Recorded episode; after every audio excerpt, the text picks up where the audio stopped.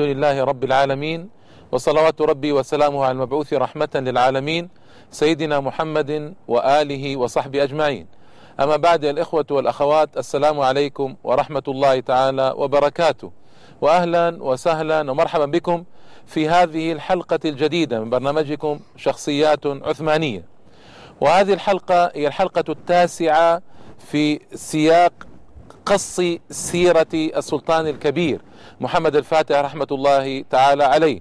فقد قصصت عليكم في ثمان حلقات سابقة حياته سيرته أعماله فتح القسطنطينية. واليوم حلقة تاسعة أتمم بها ما جرى في القسطنطينية بعد الفتح. أولا الإخوة والأخوات سار محمد الفاتح في القسطنطينية بسياسة تعرف بسياسة الاستمالة. الاستمالة لمن؟ للبيزنطيين النصارى. لأن أنا قلت لكم في حلقة ماضية أن الإمبراطور البيزنطي في حركة يائسة قبل أن يجمع بين الكنيستين. الكنيسة البيزنطية الشرقية والكنيسة الأوروبية الغربية في روما تحت سيطرة الكنيسة في روما.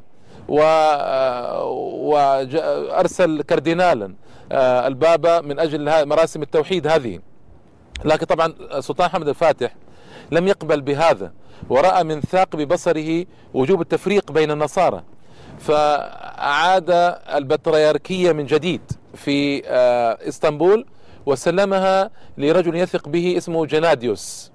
جناديوس هذا كان من أشد المعارضين لسياسة الاندماج بين كنيستين. وبالفعل سلمها لجناديوس ورسمه رسميا. في حفل كبير بمقتضى مراسيمهم هم واحتفالاتهم هم هذا الذي جرى.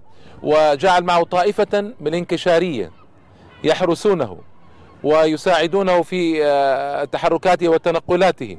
وأعطى له شارة الدولة العثمانية بثلاثة رموز أو ثلاثة خطوط. المهم أنه كرمه غاية التكريم وأبقاه. هذه السياسة الاستمالة أثمرت كثيرا.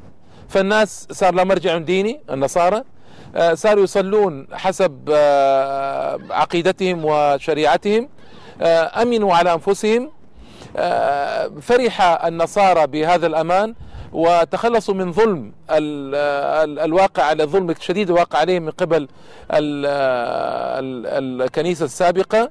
وحتى البلاد الأخرى النصرانية التي كانت في البلقان رأت أن السياسة العثمانية في الاستمالة سياسة ناجحة فارتضوا الحكم العثماني بعد ذلك عليهم.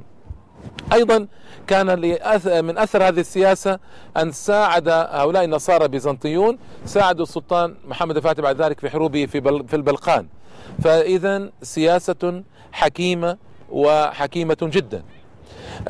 أيضا هذه طبعا بعض المؤرخين نقد السلطان محمد الفاتح في هذه السياسة لكني أراها إن شاء الله تعالى سياسة شرعية الغرض منها تفريق كلمة الكنيسة حتى لا تجتمع كتلة واحدة على المسلمين وأيضا بث الطمأنينة في قلوب النصارى حتى يكونوا بعد ذلك مساعدين للدوله العثمانية ويصبحوا هادئين من رعاياها طائعين. الأمر الثاني الذي فعله السلطان محمد الفاتح تتريك إسطنبول تتريكها فقد عين واليا عليها وأول والي لها وسمى مصطفى. مصطفى باشا هذا أول والي على إسطنبول جلب خمسة آلاف أسرة تركية إلى إسطنبول. أعطاها ملكها الدكاكين والبيوت والمحلات والأراضي. في قسطنطينية لكي تنتعش المدينة مرة أخرى. فالمدينة تعرضت لحصار دامي 53 يوما وحطمت أسوارها وهجرها جماعات من أهلها. ذلك لأن الذي حدث أنه لما تؤكد من سقوط المدينة نزل جماعات حوالي 400 شخص من كبار الأسر الأرستقراطية في قسطنطينية وهربوا في البحر إلى الجزر وهربوا إلى إيطاليا بعضهم. فالمدينة خلت من كثير من أشرافها وكبارها وقتل كثير من جنودها. فالمدينة صارت شبه خراب. فحتى تنتعش المدينة من جديد. جلب لها الوالي خمسة آلاف أسرة تركية. ملكها المدن ملكها المحال والأراضي والبنايات. ثم أيضا جلب الفلاحين من البلقان وجعلهم يزرعون الضواحي حول القسطنطينية ويعتنون بها. فهذا أدى أيضا إلى انتعاش المدينة. آه، الأسرى أسرى الحرب. السلطان الفاتح فك أسرهم بشرط أن يعملوا في القسطنطينية في تعبيد الطرق وشق القنوات وبناء الجسور وهذه سياسة رائعة ورائعة جدا. سياسة الاستمالة هذه أيضا للسكان وإبقائهم في القسطنطينية وعدم الخروج منها. أضف إلى ذلك أن صارت حادثة طريفة نريد أن أذكرها لكم. آه، هنالك بطل مجري مشهور اسمه هونياد كان دائما ضد الدولة العثمانية. حتى أنه جرح بالنهاية في معركة ومات ولله الحمد وارتاحت الدولة من شره كانت دائما يحرض على الدولة العثمانية. آه هذا البطل المجري أراد أن يتحد مع ملك الصرب جورج برانكوفيتش ضد المسلمين ضد العثمانيين بعد فتح القسطنطينية. فسأله أثناء الكلام جورج برانكوفيتش قال ماذا تفعل بكنيستنا بعقيدتنا؟ طبعا الصرب على مذهب الأرثوذكس الصرب على مذهب الأرثوذكس. لأن هذا السبب الآن روسيا تساعد الصرب. لماذا؟ لأنهم أصحاب مذهب واحد.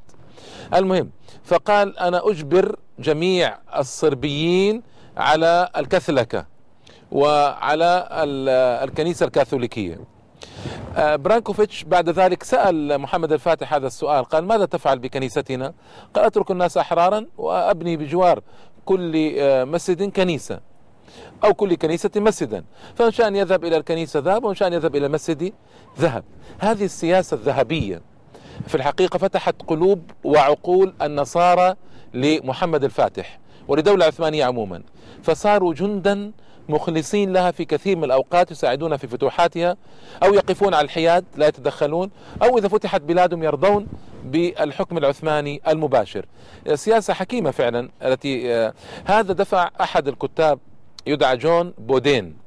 جون بودين له كتاب كتب كتابا سنة 1576 في عز قوة العثمانيين. لأن العثمانيين كانت قوتهم هي الحاكمة للعالم آنذاك إلى نهاية القرن السادس عشر الميلادي كتب كتاب اسم كتب الجمهورية الستة. يقصد الجمهورية الفرنسية ويتحدث آه، عن أمر مهم.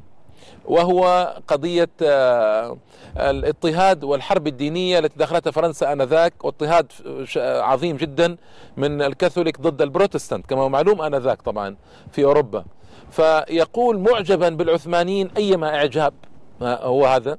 يقول إن العثم إن ملك العثمانيين يقصد سلطان العثمانيين آه، يحمي شعائر الأديان أحسن من أي أمير آخر في العالم. وهو لا يجبر احدا على اعتناق أي دين بل للناس أن يتبعوا أديانهم بحرية هكذا يقول. وبل يقول يعني كلاما عجيبا يقول إنه يسمح داخل قصره في قسم الحريم يعني يقول يسمح في قسم الحريم في قصره بإقامة شعائر الأديان المختلفة اليهودية والإسلام والنصرانية. هكذا يقول. يعني الرجل يكتب عن العثمانيين وعن سلطان العثمانيين بفرح ويقول إن هؤلاء لا يجبرون أحدا على اعتناق دينهم. أين هذا الكلام من كلام هؤلاء الأوروبيين والغرب اليوم الذين يقولون إن الإسلام انتشر بالسيف وإن الإسلام ليس فيه حقوق إنسان وإنه يجبر الناس على اتباع الدين بحد السيف. كل هذه الأكاذيب تنفيها الوقائع الصحيحة الصريحة وتنفيها وقائع التي سجلت في الكتب. يعني هؤلاء المفكرون الكبار الذين كتبوا الأوروبيون آه، يعني كتبوا ما جرى من قبل محمد الفاتح العثماني بمداد الفخر سواء جون بودين هذا أو الروسي الذي كتب وقال إن المسلمين عاملوا البيزنطيين ألف مرة أحسن من هكذا يقول ألف مرة أحسن من اللاتين الذين دخلوا القسطنطينية قبلهم بقرابة ثلاثة قرون.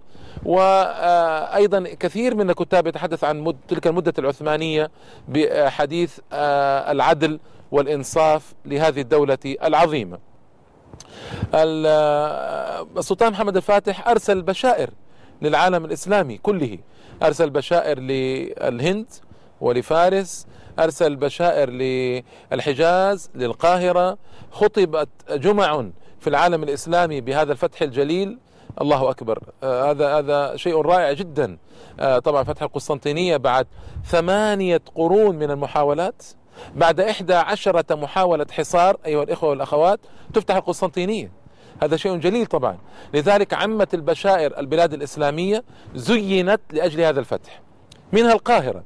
يقول مؤرخ المصري ابن تغري بردي يقول آه، قدمت البشائر بفتح القسطنطينية وجاء وفد من السلطان محمد الفاتح إلى القاهرة ويقول جاءوا مع جاء الوفد معه بأسيرين من القسطنطينية وداروا في شوارع القاهرة التي زينت ووضعت عليها الأعلام والألوان وابتهج الناس أيما ابتهاج وصعدوا إلى القلعة. الوفد العثماني مع الأسيرين صعدوا إلى القلعة وقابلوا السلطان المملوكي وحملوا له البشارة بفتح القسطنطينية. الله أكبر والله هذا هذا الذي ننتظره في هذه الأيام البشارة.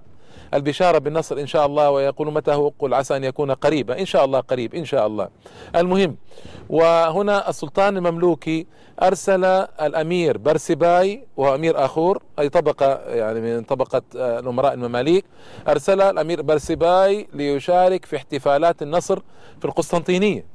وهذا يدل طبعا على إخوة يا إخوة يا أخوات على هذه الروح الرائعة التي بين المسلمين. إذا انتصر العثمانيون يفرح المماليك وإذا انتصر المماليك يفرح العثمانيون. هذا الذي نريده وحدة إسلامية اجتماع إسلامي الإخوة والأخوات. هذا الذي نحبه هذا الذي نفضله هذا الذي نريده اليوم. آه للأسف اليوم هناك ثلاث أو سبع وخمسون دولة إسلامية ما أتذكرها من كثرتها لكنها غثاء كغثاء السيل. ينتقص من أرضها تنتهك أعراض نسائها متأخرون ضعفاء أذلاء. نعم نحن أفضل من آه، من 20 30 سنة مضت بكثير ولله الحمد. نحن في صحوة مباركة ولله الحمد لكن ما زلنا بمرحلة الضعف هذه. نأمل أن نصل إلى مرحلة القوة والتمكين في المستقبل قريب إن شاء الله تعالى، لكن ما زال ما زالت الدول منفصلة عن بعضها بعضا لا تشعر بأفراح بعضها بعضا ولا بتراحي بعضها بعضا، لكن انظروا كيف مع قلة وسائل الاعلام آنذاك وسائل الاعلام قليلة وضعف شديد جدا في آه، وسائل الاعلام وتباعد الأقطار بعدا هائلا عن بعضها بعضا لكن مع ذلك يعني يفرحون ويرسلون التهاني ويرسلون الرسل الأمراء للتبريك وللتهاني ولله الحمد والمنة. وخطباء جمعة يخطبون مظهر إسلامي رائع جدا. مدينة فتحت كان لها دوي هائل في الشرق ودوي هائل في الغرب. لما سقط قسطنطينية كان البابا في حزن عظيم. اللهم أدم حزنه. كان في حزن عظيم وكان ساسة أوروبا ملوك أوروبا أيضا في حزن عظيم. والمسؤولية في رأيي مباشر تقع عليهم فهم الذين لم يساعدوا ولم يعاونوا الدولة البيزنطية ولم يرسلوا لها شيئا ذا بال. بفضل الله هذا من تخطيط الله تبارك وتعالى وعنايته بالسلطان محمد الفاتح. لما أتم ذلك السلطان محمد الفاتح وتم التنظيمات والترتيبات قلت لكم بقي عشرين يوما في القسطنطينية في قصر تفكور ثم آه، رجع قافلا إلى إدرنا معه عدد ضخم جدا من الأسرى والغنائم ولله الحمد والمنة. نسأل الله بأسماء الحسنى وصفاته العليا أن يرينا نصرا كنصر القسطنطينية وأن يمن علينا أن نشارك فيه وأن يمن علينا فتح بيت المقدس وأن نكون مشاركين فيه. إنه ولي ذلك والقادر عليه. وإلى اللقاء في الحلقة القادمة إن شاء الله تعالى. نواصل الحديث عن محمد الفاتح وفتوحاته بعد القسطنطينية. والسلام عليكم ورحمة الله تعالى وبركاته.